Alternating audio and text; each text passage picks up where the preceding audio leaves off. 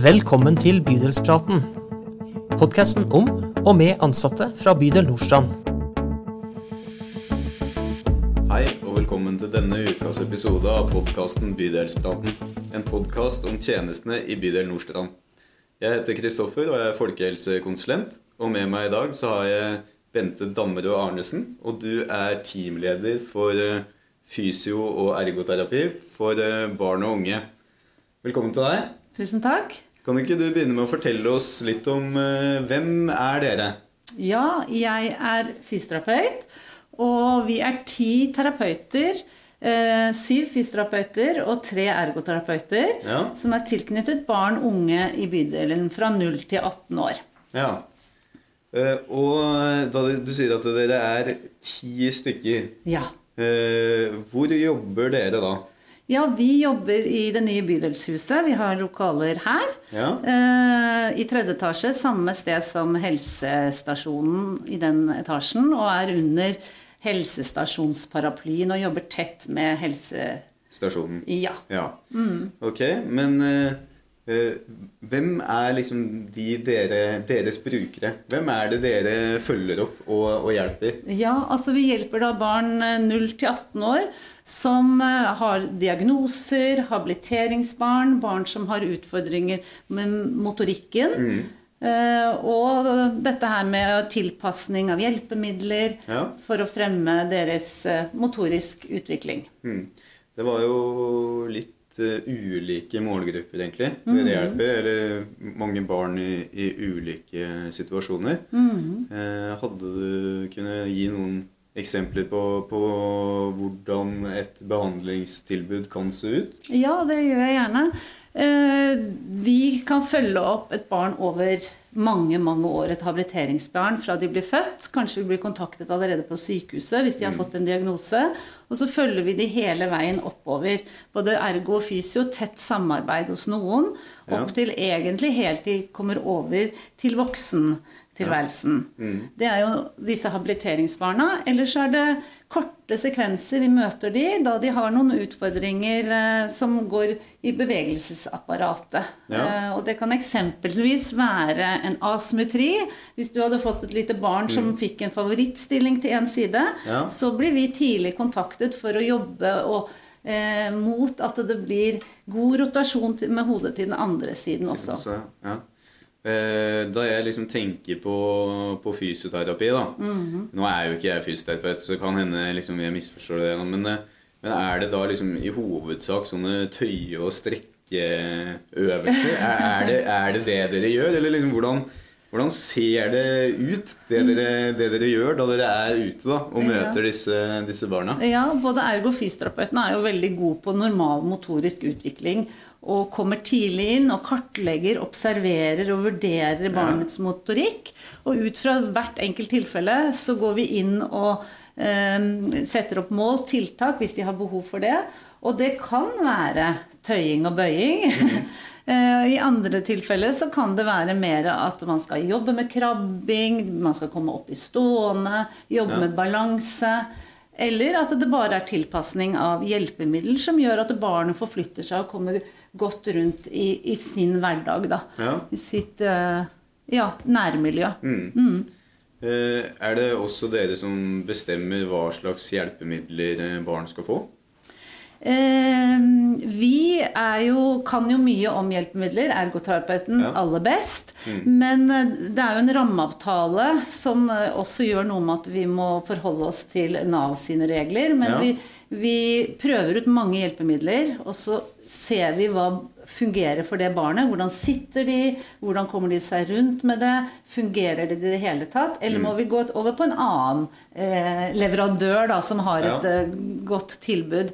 Men vi er i en veldig observasjon og nøye prosess for at dette skal bli best mulig, og må argumentere godt for at barna også skal få disse hjelpemidlene. Ja.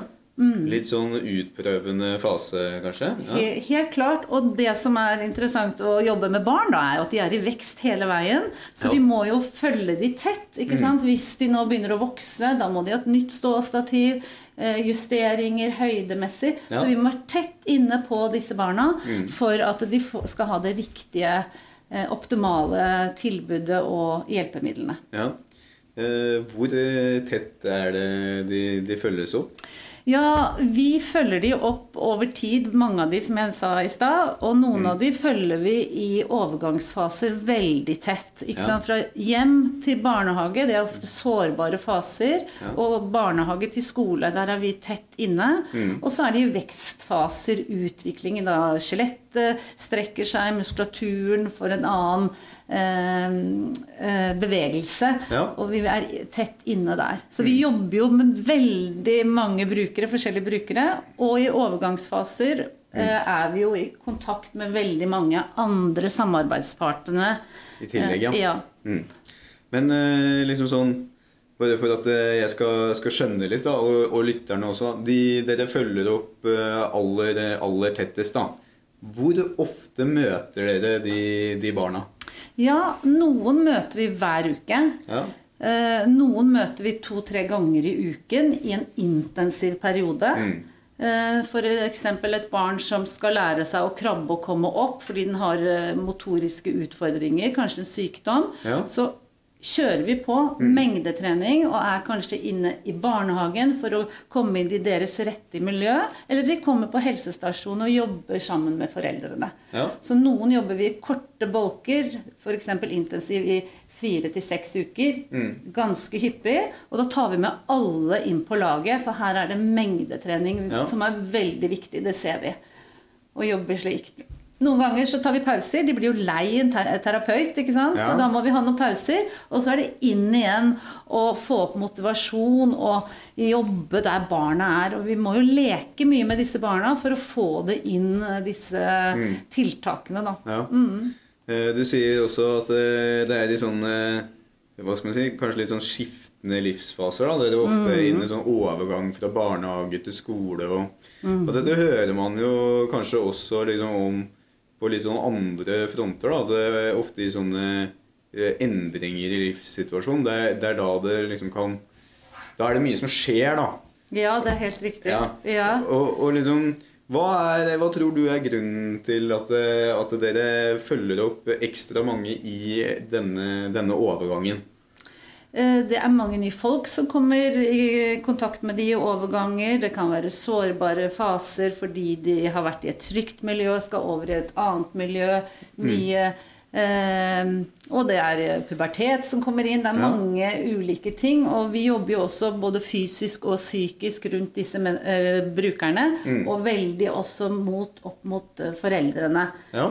Eh, For dette preger jo ofte en hel familie hvis det er mange eh, folk inne. ikke sant? Du Ja. trenger mye hjelpeapparatet. Ja, klart, eh, klart at det har, har mye å si. Å liksom få den, den overgangen kanskje til å oppleves som trygg, da. Ja. Ja. Og vi har vel en sånn unik eh, posisjon da, fordi vi eh, jobber fra 0 til 18 år. Det er ikke så mange andre i bydelen som jobber med barn fra de er null til helt 18 år. Det er mange som slipper, eller det er overgang fra barnehage, pedagogisk fagsenter, støttepedagoger, og så går man over på skole, og da kommer det nye aktører inn. Ja. Som, eh, så vi blir ofte veldig godt kjent med familiene. Ja. Og vi er jo også koordinator for mange av disse eh, ansvarsgruppene eh, Ja. i bydelen. Mm, så der er vi også, Eh, jobber vi ja. rundt de barna. Ja, nå, nå begynner vi å få litt snaut med de, men kan du ikke helt kort, Bente, bare si sånn Hva er de ansvarsgruppene?